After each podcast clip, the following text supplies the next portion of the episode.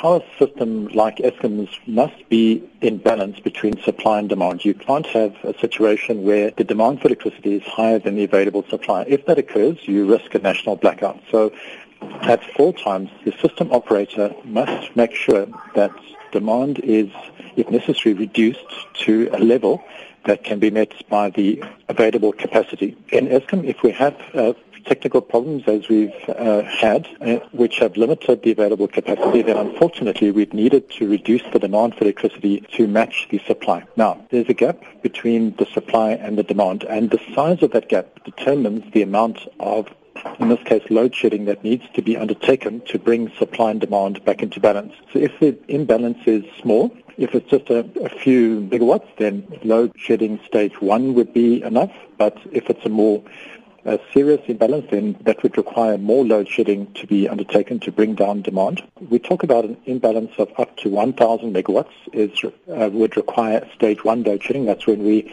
basically cut off about 1,000 megawatts of demand, and that on a national basis is equivalent to about 3% of the national demand. So if we can, as Eskom, only meet 97% of the country's electricity requirement, then we need to basically reduce demand by that 3% to bring supply and demand into balance.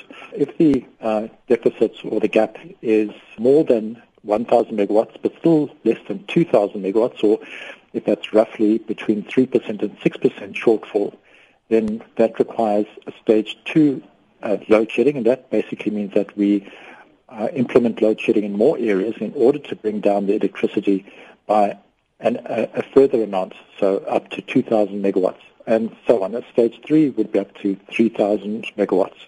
The higher the stage, the greater the severity of load shedding, and the more likely it is that a particular area would be affected by load shedding. Again, one imp- very important is that it is a controlled process by the system operator. It's specifically done to protect the national grid and to make sure that we don't go, you know, into a situation of a national blackout.